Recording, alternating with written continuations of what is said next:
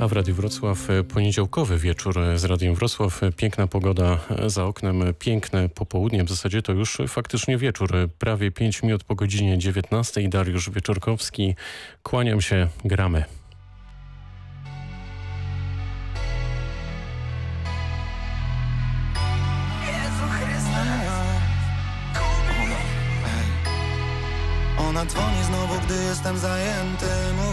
Siedzi w domu, no i trochę tęskni. Mówi mi, że mnie rozumie i nie ma pretensji. Pyta czemu, gdy się spotykamy, jestem nieobecny? Mam pani nowe teksty, mała nowe dźwięki. Myślę o tym, jak zarobić dla nas trochę pęgi. Myślę o tym, jak najlepiej zagrać te koncerty.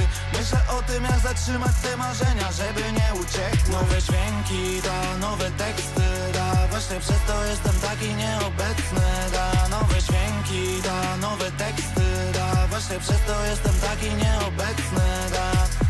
Dalej jestem nieobecny jak w liceum Lecz to nie ten sam Mateusz. Już nie szukam panaceum Na moje chore spojrzenie na świat Chcieli dawać mi lekarstwa. Przecież każdy gdy dorasta To ma więcej problemów. Nauczycieli ignorancja Dla nich życie to sprawdzian. Liczy się tylko jak zdasz go. O! I to nieważne czy ogarniasz Czy śmigasz na koncerty czy na trening. Kiedy twoich rówieśników ściga psiarnia Choć pod blokiem była nieraz pita flaszka. To pod blokiem była tylko smutna prawda. Stoję u ziomka pod barbershopem Ze mną cała banda. Znowu myślę o marzeniach Co wydarłem sobie z gardła. Yeah. Zaczynaliśmy wspólnie tam na dnie. Ilu moich ludzi ten świat zdołał złamać Wiem. Alko, narkotyki, trawa, hazard, seks. Bez muzyki mogło się to skończyć fatalnie. Więc wiemy, że to dla mnie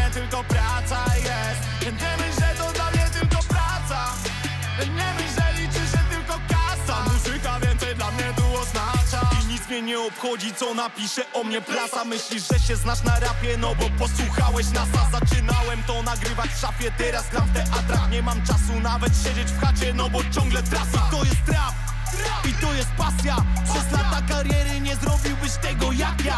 Może gdybyś robił coś zamiast oceniania No to wtedy miałbyś cokolwiek do gadania. Nie tylko w tych podcastach Ona dzwoni znowu, gdy jestem zajęty. Mówi mi, że siedzi w domu, no i trochę tęskni. Mówi mi, że mnie rozumie i nie ma pretensji. Pyta czemu, gdy się spotykamy, jestem nieobecny. Mam pani nowe teksty, mała nowe dźwięki. Myślę o tym, jak zarobić dla nas trochę pęgi Myślę o tym, jak najlepiej zagrać te koncerty.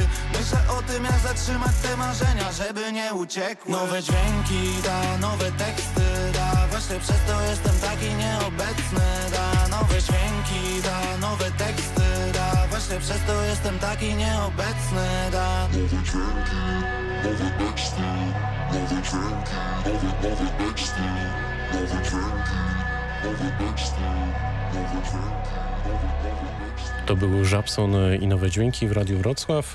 To jest blogoskop Radia Wrocław. Chwilę później e, Bartosz Tomczak zajmie się polskim rapem jak e, co tydzień. Już po godzinie 22 w jego imieniu zapraszam, a dziś w blogoskopie porozmawiamy o wpływie koronawirusa na rynek pracy. To w pierwszej części, natomiast w drugiej spotkanie z człowiekiem, który być może już za chwilę unicestwi koronawirusa. E, Jest z nami w tej chwili Tomasz Florczak, szef wrocławskiej firmy zajmującej się rekrutacją w branży IT. Witaj Tomku. Dzień dobry. Bardzo dziękuję za zaproszenie. A proszę bardzo, dzień dobry, dobry wieczór. Wydaje się po kilku tygodniach e, współżycia z koronawirusem, że największy szok i strach e, już e, za nami. Do życia z koronawirusem po prostu musimy się przyzwyczaić. Czy w takim razie już teraz właśnie należy rozmawiać o zatrudnieniu, rynku pracy, gospodarce w sytuacji zagrożenia ludzkiego zdrowia i życia? No bo sporo koronawirus namieszał nam w zawodowym życiu. E, tak, panie redaktorze, to czy należy rozmawiać w ogóle ten wybór, czy zdrowie, czy gospodarka i zatrudnienie, to jest e, taki dość pozorny dylemat, ponieważ to nie są dwa rozłączne elementy, tylko silne powiązane ze sobą rzeczy. E, Powiem w ten sposób, e, żeby najważniejsze jest zdrowie, żeby być zdrowym, to po pierwsze trzeba się leczyć, do tego potrzebne są pieniądze, nie tylko do leczenia się przy chorobach związanych z koronawirusem, ale też tych innych, które być może są teraz zaniedbywane, gdzieś tam odstawione na boczny tor. A po drugie to sama utrata pracy przez ludzi albo długotrwałe przebywanie w takiej niepewnej sytuacji osobistego zagrożenia ekonomicznego, to jest coś e, bardzo stresogenne i to też z pewnością wpływa i będzie wpływać na zdrowie ludzi i też jakość i długość tego życia. Więc tak już mówiąc krótko, jeśli e, moim zdaniem mm, nie chcemy wprowadzić e, ludzi w depresję, to też nie powinniśmy wprowadzić gospodarki w depresję i wrócić do pracy jak najszybciej. Czy wy w waszej firmie mm, planujecie zwolnienia albo obserwujecie stres wśród pracowników? E, Stres z pewnością jest. To jest taki dość powszechny, bo ludzie czują tę sytuację zagrożenia, ludzie też czują niepewność jutra. My generalnie mamy do czynienia przede wszystkim e, z firmami w branży nowych technologii, firmami e, z branży IT, z którymi Change Rocket realizuje projekty rekrutacyjne. I w nich w szczególności w chwili obecnej nie obserwuje się jakichś dużych fali zwolnień. To jest, one może są w mniejszym stopniu, Natomiast często jak z nimi rozmawiamy, to słyszymy, że albo oni ograniczają zatrudnienie, albo że niektóre projekty są częściowo wstrzymywane. I, i właśnie trochę słychać tą niepewność. Niepewność jutra, co ruszy, kiedy ruszy. Y, Samo IT też, em, wbrew takiej powszechnej opinii, nie jest niezagrożone. To, nie, to, że ludzie pracują zdalnie, to, to już może dużo nie znaczy, bo IT nie funkcjonuje w oderwaniu od innych branż, ale często właśnie usługowo działa realizując wsparcie dla innych branż. I na przykład jeśli jest firma informatyczna pracująca e, dla branży farmaceutycznej czy sektora e-commerce, no to, to teraz może wręcz przeżywać rozkwit. To może być złoty czas. IT, który pracował na przykład dla branży turystycznej, to w pewnym sensie podziela jej losy albo podzieli z dokładnością do jakiejś, z dokładnością czasową gdzieś tam wynikającą z czasu trwania wiążących kontraktów. Czy w tej chwili, jak e, na to wszystko e, patrzysz i widzisz, że mm, twoi współpracownicy pracują z domu, jak się domyślam, w znakomitej większości, a być może wszyscy, e, to to jest trochę taki krajobraz, który już będzie dominować w najbliższych miesiącach, a w ogóle to będzie może taki model przyszłości, że ludzie będą pracować z domu? Bardzo ciężko teraz stwierdzić, bo faktycznie jak my się obudzimy za jakiś czas, to się obudzimy w troszeczkę nowym świecie, na innych torach i niektóre rzeczy mogą się okazać takimi dinozaurami, reliktami starych czasów, w tym być może taka bezwzględna praca e, z biura. E, Natomiast e, to kiedy to nastąpi, jak to będzie trwało, bardzo ciężko, ciężko to, to, to przewidzieć. To zapytam jeszcze inaczej. A ty widzisz jakąś różnicę teraz po kilku tygodniach takiego trybu pracy, że ona się odbija na efektywności na przykład? Myślę, że w pewnym sensie tak. Myślę, że e, to jest, jeśli mówi- mówimy o jakości pracy i efektywności pracy, to ona wynika z dwóch rzeczy. Ona wynika po pierwsze e, z tego, jak ta praca jest dobrze zorganizowana. Jeśli ona jest dobrze zorganizowana, to może być wykonywana często zdalnie, szczególnie w takim sektorze jak IT. E, Natomiast efektywność pracy też zależy od samopoczucia ludzi, od tego, czy oni mają kontakt ze sobą, czy są izolowani. I myślimy, że e, ja przynajmniej tak myślę, że to często negatywnie wpływa na ludzi, jeśli próg ich sypialni jest jednocześnie progiem ich e, gabinetu i brakuje tych osobistych interakcji. Czyli brak kontaktu e, z ludźmi, jednak e, to, że często w niedzielę po południu dominuje wśród e, nas takie poczucie, że ojej, musimy iść już za chwilę do pracy, rozpoczynamy kolejny tydzień. Teraz trochę nam pokazuje nieco inny kontekst, to znaczy, że zaczęliśmy tęsknić za pracą, jeśli dobrze czytam to, o czym mówisz. Wiesz co, myślę, że tak. Ja tutaj też nie jestem psychologiem, nie jestem kompetentny, żeby odczytywać w dużej mierze takie sentymenty społeczne, ale były już badania nawet naukowe, które pokazywały, które pokazywały, co najbardziej wpływa na jakość i długość ludzkiego życia. I to się e, często dość mm, jednoznacznie okazywało, że to nie są tylko rzeczy związane ze zdrowym środowiskiem, odżywaniem, odżywianiem, tego typu rzeczami, ale też przebywanie we wspólnocie ludzkiej, kontaktowa, kontaktowanie się na co dzień e, z ludźmi, szczególnie dla osób, które mm, nie są silnie intro, introwertyczne, które mają potrzebę kontaktu, to jest dość, to jest dość istotne jednak. Czyli świat się zmienia e, na naszych oczach e, dosłownie. Za chwilę wrócimy do rozmowy.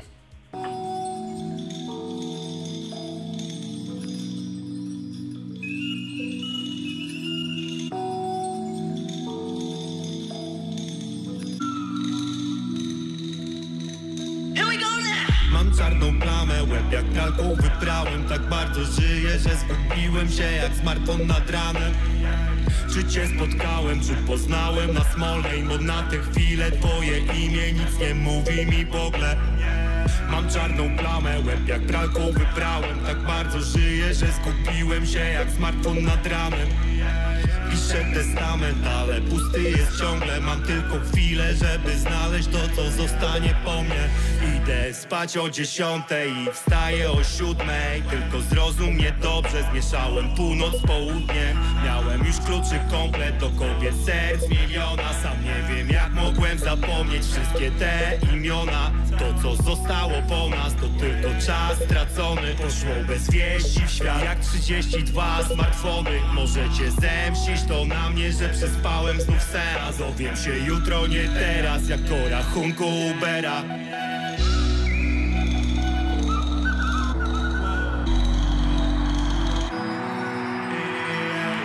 czarną plamę, łeb jak pralką wyprałem. Tak bardzo żyję, że zgubiłem się jak smartfon nad ranem. Czy cię spotkałem, czy poznałem na Smolnej Bo na tę chwilę twoje imię nic nie mówi mi w ogóle. Mam czarną plamę, łeb jak pralką wyprałem. Tak bardzo żyję, że skupiłem się jak smartfon nad ranem. Piszę testament, ale pusty jest ciągle. Mam tylko chwilę, żeby znaleźć to, co zostanie po mnie Ciągle cię szukam, ale nie mogę znaleźć. Rozglądam się dookoła, ale nie ma cię wcale. W tamtą noc coś pamiętam, gadaliśmy o niczym. Znów zgubiłem telefon i do auta kluczyki. Wyszedłem z domu, gdzieś o 20 spokojnie poszedłem na bifor. Na bifor, na widok, na wódkę i piwo Na piwo i wódkę na szybko. Na szybko coś zjeść, padał deszcz. Wiem jak chciałaś być przy mnie. I wszystko co wiem, że lubię cię wiesz Choć nie wiem jak jest ci na imię. Szukałem cię wszędzie, nie było cię nigdzie Spotkałem cię nagle tu teraz. Gdzieś przy degola odbija mi palma Jak wtedy cię znów rozwesela. Ulica jest pusta, butelka jest pełna Gadałem o wszystkim, o niczym. Butelka jest pusta, na niebie jest pełnia Wbijamy do klubu podpici. A w klubie jest peklarz, stan znający Sekundę cię kupię gdzieś tłumie Chuj, dałaś mi numer, kupiłem telefon A miałem zadzwonić na stówę. I nie wiem czy to pech Być może tak miało być. Nie widziałem więcej cię Nie spotkałem się do dziś Ciągle cię szukam, ale nie mogę znaleźć. Rozglądam się dookoła, ale nie ma cię wcale. W tamtą noc pamiętam, gadaliśmy o niczym. Ja zgubiłem telefon, a ty kolczyki Mam czarną plamę, łeb jak pralką wyprałem. Tak bardzo żyję, że zgubiłem się jak smartfon nad ranem. Czy cię spotkałem, czy poznałem na Smolnej? Bo na tę chwilę twoje imię nic nie mówi mi w ogóle. Mam czarną plamę, łeb jak pralką wyprałem. Tak bardzo żyję, że zgubiłem się jak smartfon nad ranem Ale pusty jest ciągle. Mam tylko chwilę, żeby znaleźć to, co zostanie po mnie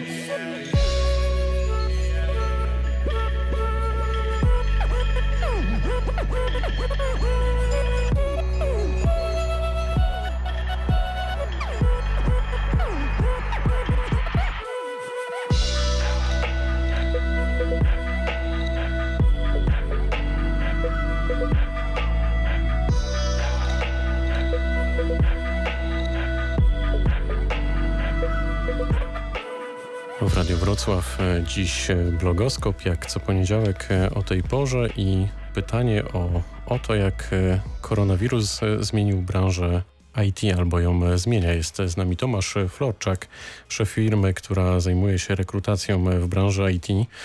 E, No i kolejne pytanie w sumie. Jakie wnioski i obserwacje płyną e, z tego wszystkiego, od czego zaczęliśmy rozmowę? Jak bardzo koronawirus e, właśnie zmienia i zmienił rzeczywistość IT w tych pierwszych tygodniach, a można już w sumie nawet powiedzieć miesiącach. Czy możesz już coś powiedzieć ze swojej perspektywy? Tak, ja mogę to powiedzieć na przykładzie firm, z którymi my rozmawiamy. I część z tych firm kontynuuje rekrutację, ale w jakiejś zmniejszonej skali. Na przykład zamiast 10 otwartych pozycji to mogą być 4.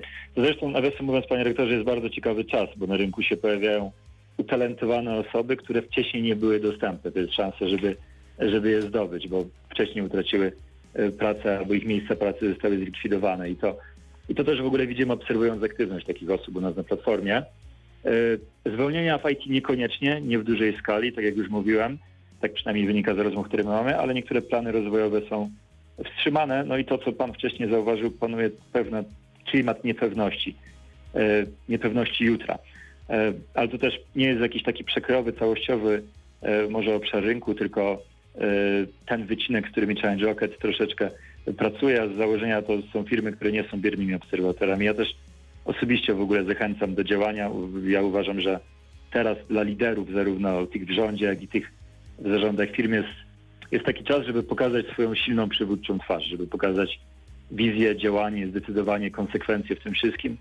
E, więc nawet jeśli działy HR mają związane ręce, nawet jeśli te nowe rekrutacje są wstrzymywane przez zarządy, albo wręcz kierunek jest taki, że zwalniamy, tniemy koszty, mm, to oprócz użycia tych nożyczek, jeśli to jest oczywiście niezbędne, i nie wystarczy przyglądać się tak biernie, jak się sytuacja rozwija, tylko można w jakimś sensie przygotowywać to podłoże i na przykład pulę potencjalnych kandydatów pod przyszłe rekrutacje. Na czas, kiedy się będą odnawiać nowe zespoły, żeby być na lepszej pozycji, żeby tak całkiem nie startować od zera i żeby wszystko szybciej ruszyło, tak żeby wtedy myślę, że sytuacja byłaby lepsza dla każdego. O jakiej skali my możemy mówić, jeśli mamy na myśli właśnie e, zwolnienia i zamrożone projekty? Czy to jest e, kwestia naprawdę policzalna na palcach jednej ręki, czy jednak już tutaj możemy mówić o jakimś e, trendzie? To jest e, złożone pytanie, bo cała gospodarka to jest dość, tak frazesowo mówiąc, skomplikowany system naczyń połączonych i czasami widzimy pewne kamyczki i nie wiadomo w którym momencie ona, z nich powstanie taka lawina.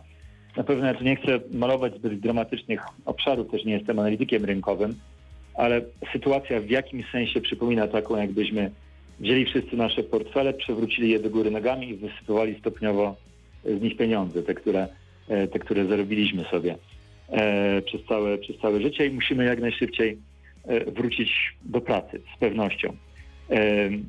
I to jest tak, że to, to, to, jest taki system naczyń połączonych, bo tak, żeby może zobrazować to jakimś konkretnym przykładem, przykładem związanym z IT. IT, jak już wcześniej wspominałem, ona funkcjonuje często w formie usługowej dla innych branż. I teraz jeśli mamy sytuację na przykład, że możemy mieć sytuację, może w ten sposób powiem, że od tego, czy spółka IT we Wrocławiu będzie zatrudniać, czy nie, czy będzie zwalniać, to może zależeć od inwestora w branży budowlanej gdzieś w Hiszpanii. Bo na przykład ten inwestor czując się niepewnie, wstrzyma kolejny etap inwestycji hotelu. Ten hotel nie skorzysta z usług biura projektowego, a to biuro projektowe nie zakupi specjalistycznego oprogramowania. więc, więc bardzo dużo zależy od e, nastrojów, a te nastroje są w też dużej mierze oczywiście kreowane przez decyzje polityczne. Czy w takim Dlatego, razie... To wszystko jest trudne do przewidywania. No właśnie, czy w takim razie na przykład e, tarcza antykryzysowa, pierwsza wersja, ale też i e, druga, już e, kolejna, mm, w jakimś sensie pomaga firmom z branży IT, bo wydawałoby się, że branża, branża IT akurat jest chyba jedną z tych dziedzin i skala zarobków mm, w tej branży przez lata urosła do takich mit, może mitów właśnie, może zaraz to rozstrzygniemy, rozmiarów, E, że jako chyba o, o ostatniej bym pomyślał, że potrzebuje pomocy? To, to, są, po pierwsze, to są dwie odrębne kwestie, czy to ktoś dużo zarabia i czy ma dużo oszczędności. Relatywnie bo, dużo. Tak. Tak, no faktycznie zarobki w branży IT są wysokie na pozycjach seniorskich. Na takich pozycjach początkujących one znacząco nie odbiegają często od średniej krajowej. W kwestii, natomiast więc, więc nawet te osoby, które pracowały w IT, one w tym momencie nie są bardzo zagrożone posiadają też często taką osobistą poduszkę finansową bezpieczeństwa. A w temacie samej, samej tarczy, w tego, e, może ja nie będę się nawet ustosunkowywał szczegółowo do mm, jej poszczególnych punktów. Jeśli miałbym wymienić dwie rzeczy, choć to jest temat na pewnie odrębną rozmowę, które można by zrobić w takiej tarczy wersji, a nawet nie wiem ile tych tarczy teraz wyszło, powiedzmy w wersji 4.0, mm, to jest uelastycznienie pewnych zasad swobodnego obrotu gospodarczego, tak żeby być może dać ludziom większą swobodę działania w czasie tej odnowy gospodarki. Większą swobodę, I, czyli? E, większą swobodę to znaczy e, mniejsza ilość przepisów biurokratycznych na przykład, to znaczy większą prostotę podatkową, to znaczy też e, jasne decyzje odnośnie tego, kiedy odmrażamy poszczególne części tego, tej zamrożonej gospodarki. I tutaj też jest ważna część na przykład związana ze zbudowaniem jakiegoś modelu ekonometryczno E, gospodarczego odnośnie tego, jak inteligentnie możemy obudzić tego pacjenta o nazwie gospodarki ze stanu śpiączki, przywrócić do pracy. E, I tu tak nawiasem mówiąc, jeśli ja miałbym coś konkretnego już powiedzieć poza tymi rzeczami, które były gdzieś tam może powtarzane szeroko, e, to wydaje mi się, że taki model jest najlepiej też zbudować na bazie społeczności.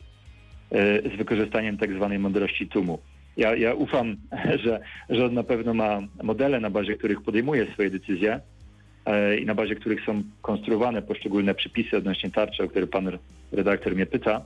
E, ale myślę też, że nigdy nie jest rozsądne robieniem takiego założenia, że my mamy wszystkich najlepszych ekspertów i czasem warto odwołać się do takiej mądrości tłumu i e, czasem najlepsze osoby się pojawiają w najmniej oczekiwanych miejscach.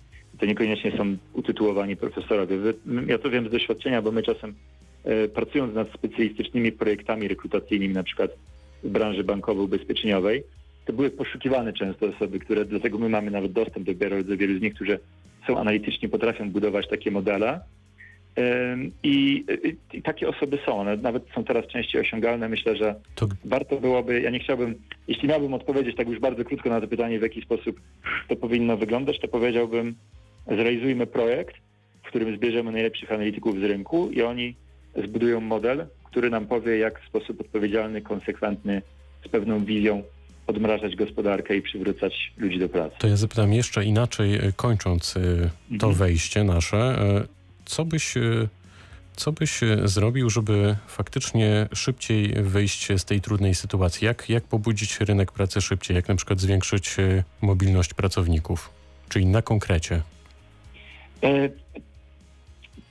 konkret to jest, e, zbudowanie pewnego modelu to jest konkret, bo ja na przykład mogę powiedzieć, że wydaje mi się, że dobrze byłoby, żeby na przykład e, do szkół powrócili, powróciły i do przedszkoli dzieci w wieku 3-7 lat w pierwszej kolejności, e, ponieważ to oni na przykład najbardziej wstrzymują rodziców od powrotu do pracy. Ale, Ale pytanie, czy to jest bezpieczne?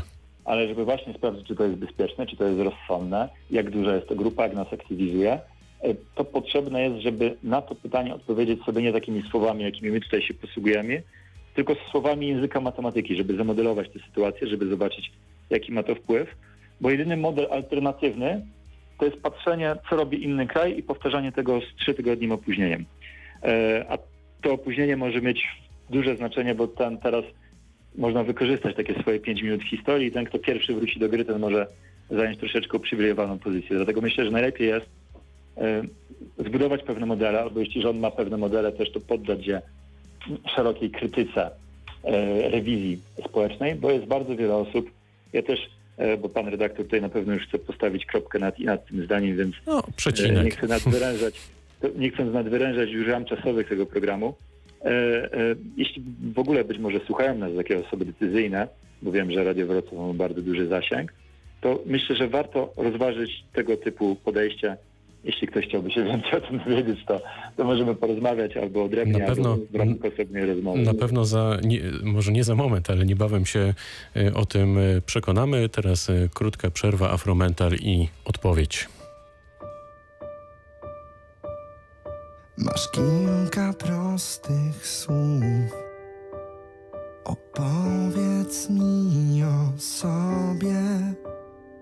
Znam kilka twoich snów i wiem, co masz w głowie. A może jeden dzień przechytrzy krótka chwila dla nas. No, a to, co gniło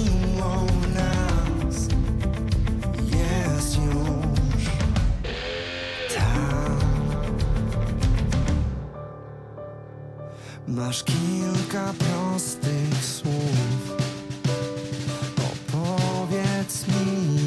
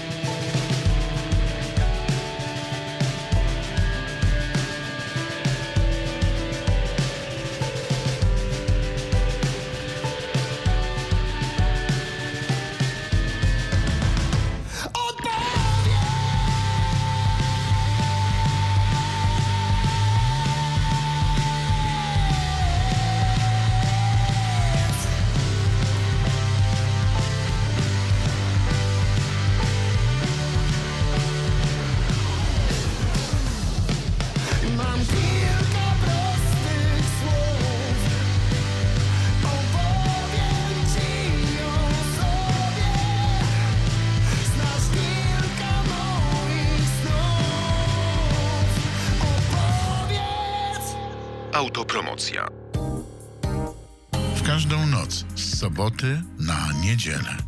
Od północy do trzeciej. Nocny dyżur. Dla niektórych noc jest trudną wędrówką do świtu. Można zatelefonować, można pogadać. Nie jesteś sam. Jesteśmy z Tobą. Radio Wrocław. Zapraszam, Leszek Kopeć. Autopromocja.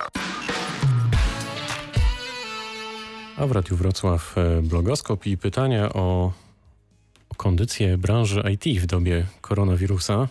Pytanie, wracamy do rozmowy z naszym gościem i pytanie o to, co można zrobić, żeby szybciej wyjść z tej trudnej sytuacji. No, w pewnym sensie już e, nasz gość e, na to pytanie odpowiedział, ale czy w tym wszystkim paradoksalnie można upatrywać szans? Czy to jest e, swego rodzaju reset dla wszystkich e, w branży? Czy to jest reset? E, W jakimś metaforycznym sensie być może tak, bo gdzieś tam wszyscy stajemy po tym przebudzeniu na jednej linii startu, choć na tej linii startu jeden ma motor, drugi rower z dziurawą dętką, ale, ale startujemy troszeczkę z tego samego miejsca. Czy można wyjść silniejszym, panie redaktorze? Tak, tak jak pan zauważył wcześniej, w jakimś sensie wyłania się pewien nowy obraz świata. E, to jest taki zakręt historyczny, rzadko się takie zdarzają. E, I, i cała gospodarka światowa to jest jakaś gra. Jeśli my wrócimy do gry wcześniej, inteligentnie, na bazie dobrego modelu, to być może będziemy mogli zająć tam lepsze miejsce, bo, bo cała gospodarka jest światowa w jakimś dużym uproszczeniu. To jest, można tłumaczyć jako taki system podziału pracy, tak jak w życiu. Jedni wykonują lepsze zajęcia, drudzy mają gorsze, a w tej chwili wszyscy są w śpiączce. Jeśli my się obudzimy wcześniej, to to miejsce można, nie będziemy, nie będziemy też no, tylko siedzieć z rozłożonymi rękami i obserwować, to można troszeczkę lepsze miejsce zająć. A co możemy zrobić? Mhm. Co możemy zrobić jako cała gospodarka, żeby po tym e, wszystkim wyjść silniejszym relatywnie do innych krajów, jako Polska, które też e, na pewno borykają się z ogromną e, falą zwolnień, na przykład, nie wiem, przeskoczyć na wyższe miejsce w światowym systemie gospodarczym, o co też bijemy się już od wielu lat. E, tak, to jest, to jest takie bardzo ważne geopolityczne pytanie. E, żeby przeskoczyć, tutaj ważne jest, no, tak jak wcześniej powiedziałem, tempo tego działania. E, ważna jest również, to może troszkę zabrzmi tak lekko frazesowa, taka wizja, w którym kierunku, w którym kierunku zmierzamy. E, taka wizja jest zde- zdefiniowana, czy gdzieś tam jesteśmy jakimiś prądami morskimi dryfowani w losowym kierunku. Kilka rzeczy, choć to jest bardziej pewnie temat na szerszą ekonomiczną rozmowę, jaki wymieniłem odnośnie uelastycznienia pewnych zasad obrotu gospodarczego w tym etapie reaktywacji gospodarczej, gospodarczej.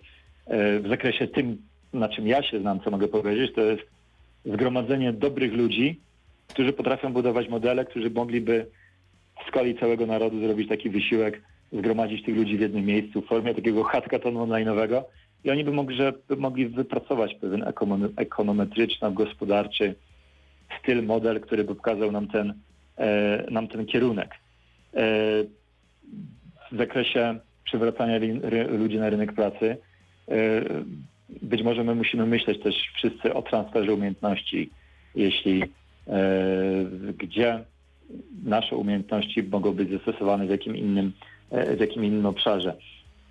To jest dość złożony temat, natomiast bardzo dużo tutaj na pewno zależy od nie tylko od decyzji firm, od decyzji indywidualnych ludzi, ale też od decyzji tych właśnie dużych politycznych, jeśli rozmawiamy o gospodarce w skali makro.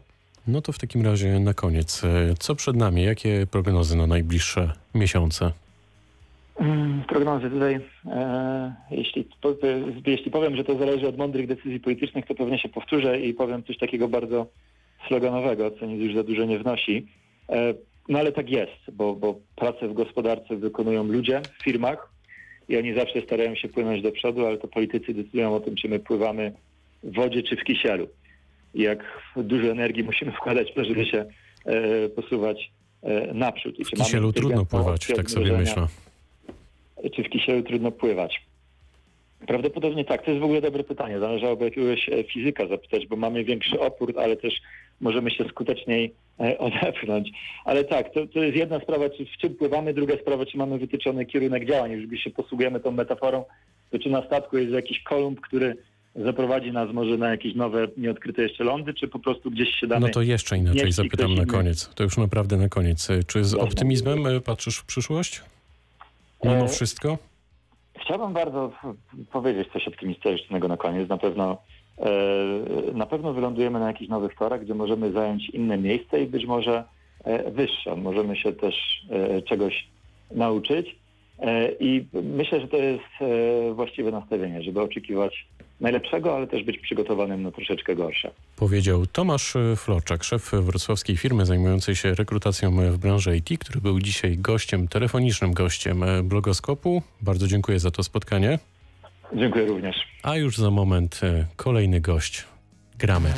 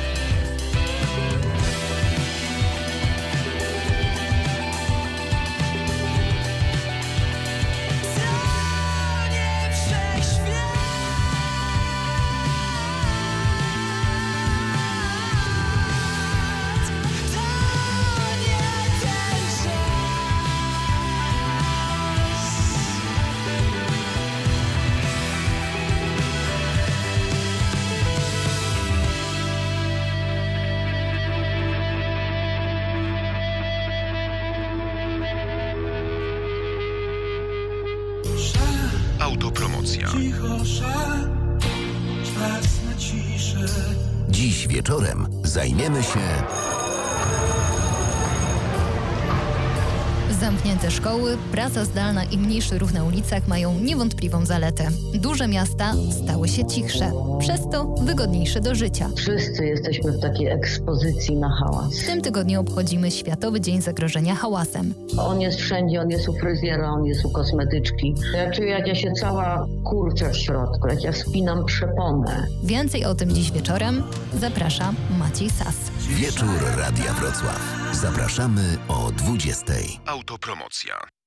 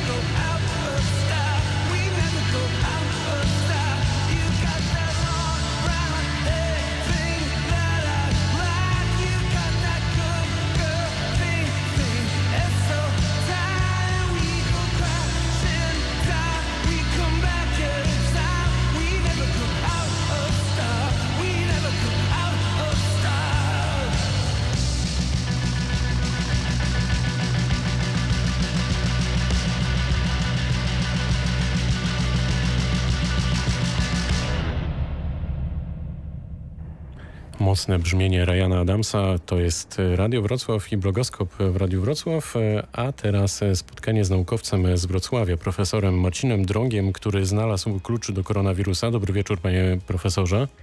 Dobry wieczór panu, dobry wieczór państwu. To jest e, magia telewizji i magia radia, bo jeszcze przed dosłownie kilkudziesięcioma sekundami można było pana oglądać w jednej z ogólnopolskich stacji, a teraz jest pan w Radiu Wrocław, za co e, bardzo dziękuję. Powiedziałem, że znalazł pan klucz do koronawirusa. Po pierwsze, czy dobrze powiedziałem, a po drugie, co to właściwie w praktyce oznacza?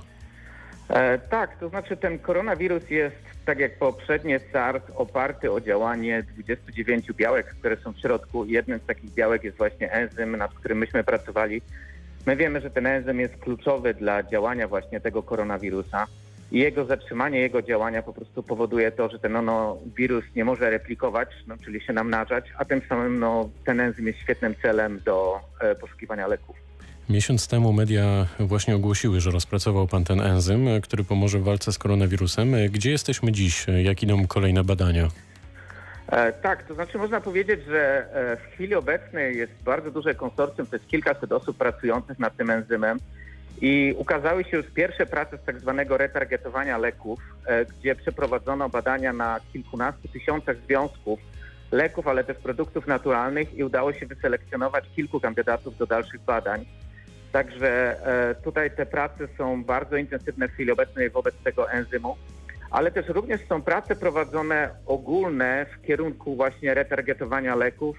Ja jestem zawodowo też związany z Instytutem w Stanach e, w Kalifornii, w którym właśnie ogłoszono wyniki, że przeprowadzono bardzo szerokie badania właśnie na komórkach ludzkich zarażonych koronawirusem, gdzie przetestowano 12 tysięcy leków znanych i już bezpiecznych, używanych obecnie. I z tych 12 tysięcy leków udało się zidentyfikować 30, które e, bardzo dobrze działają właśnie na tego koronawirusa. Także w chwili obecnej są intensywne badania prowadzone w kierunku rozpoczęcia badań klinicznych. Amerykanie stosują e, osocze wyzdrowiałych na, to wkładam w cudzysłów, na dużą e, skalę. Mamy też gdzieś w tych doniesieniach prasowych informacje o leku Remdesivir. To może być Pana zdaniem przełom? Jak Pan ocenia te działania? Tak, ja Remdesivir obserwuję od lat, także to moje zawodowe związane jest oczywiście z pracą.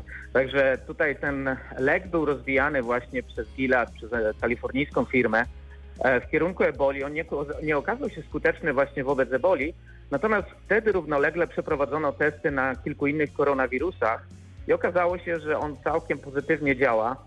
Ja już od stycznia, kiedy obserwowaliśmy rozwój w Chinach, e, wiedziałem, że są podejmowane próby stosowania tego remdesiviru i Gilead przystąpił praktycznie natychmiast do, e, do badań klinicznych. Najpierw to były badania kliniczne w Chinach, następnie były to badania kliniczne w wielu, wielu krajach w Stanach Zjednoczonych i w Europie.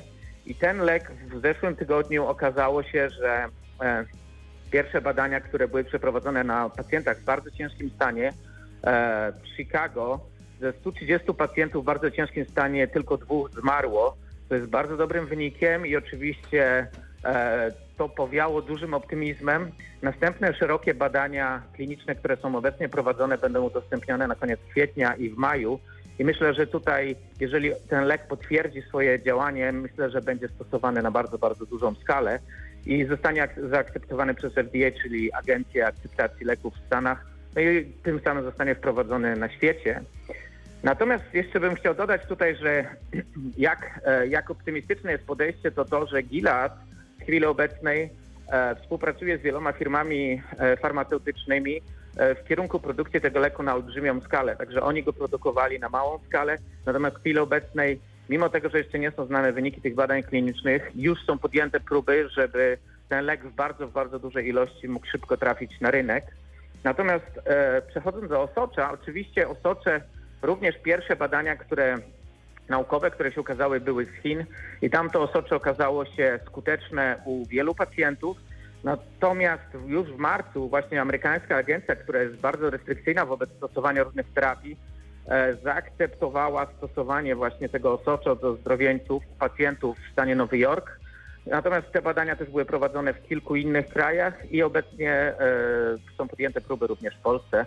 Także ta terapia również ma tutaj szansę na być, e, żeby być zastosowana z pozytywnym skutkiem. Stawiamy mały przycinek i za chwilę wrócimy do rozmowy. No one knows just what to say. It's like we're in uncharted No one knows the proper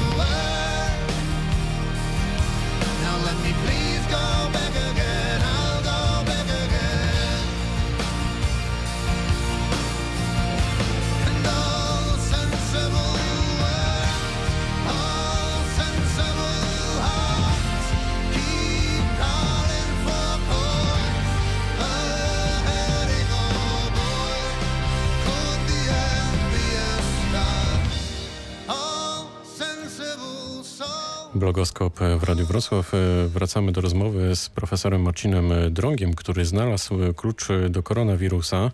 E, Panie profesorze, dlaczego właściwie koronawirus jest tak e, trudnym przeciwnikiem? bo jest niewidoczny.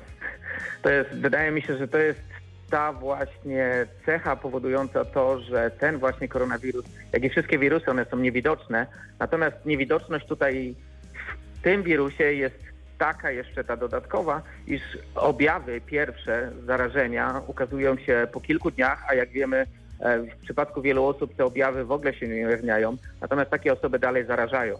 I tutaj jak w przypadku poprzedniego SARS było, to od zarażenia praktycznie w bardzo krótkim czasie już e, w bardzo ciężkim stanie były te osoby i można było je izolować.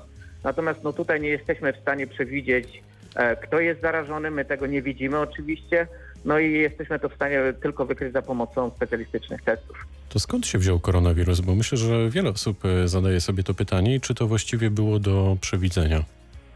E, tak, to było do przewidzenia. Tak jak mówię, ja współpracuję z grupą profesora Rolfa Hilgenfelda, który bardzo duży miał udział w poprzednim, e, e, w poprzedniej pandemii, e, wygaszeniu tego e, poprzedniego SARS. E, I od wielu lat tutaj współpracujemy. My obecnie prowadzimy bardzo intensywne właśnie badania w kierunku poprzedniego MERS, SARS, ale też obecnego tutaj e, tego, e, tego tutaj obecnego SARS. I można powiedzieć, że to naprawdę było do przewidzenia, że w pewnym momencie taka epidemia czy pandemia wybuchnie. Natomiast w Polsce czy w Europie myśmy na to nie byli przygotowani ze względu na to, że to nam się wydawało trochę takie dalekie. To gdzieś się działo w Azji albo gdzieś się działo w krajach, które są odległe od nas i myśmy do tego nie podchodzili wystarczająco, wystarczająco można powiedzieć, e, poważnie. Natomiast z drugiej strony też e, te choroby to są choroby, te poprzednie SARS i MERS, one były trochę zaniedbane. My to po angielsku nazywamy neglected diseases. Z tego względu, że mała i liczba osób chorowała na te choroby, mała liczba osób, można powiedzieć, zmarła na te choroby. Te, te, te poprzednie SARS wygasły dosyć szybko, wobec czego firmy farmaceutyczne ani rządy nie interesowały się zbytnią rozwinięciem Czyli to się nie opłacało. leków. Tak, dokładnie to się nie opłacało. Czy w takim razie z Pana perspektywy my powinniśmy przeprowadzać jak najwięcej testów na koronawirusa, czy to w tej chwili kompletnie nie ma znaczenia? E, ma bardzo duże znaczenie i tutaj przykład oczywiście Niemiec, tak, gdzie przeprowadza się tych bardzo dużo testów, wyłapuje się osoby, które są właśnie z tą ukrytym, ukrytymi nosicielami, które nie mają objawów, natomiast zarażają inne osoby. Także wydaje mi się, że liczba tych testów jest bardzo ważna, ich powinno być przeprowadzone bardzo dużo. E, I im więcej, tym lepiej, z tego względu, że to oczywiście daje też komfort psychiczny osobom, które podejrzewają, że są chore, a niestety nie mogą być przetestowane. No jak wiemy też przeprowadzanie tych testów trwa wiele e, dni, często czeka się na, na, na, na wynik tego testu wiele dni.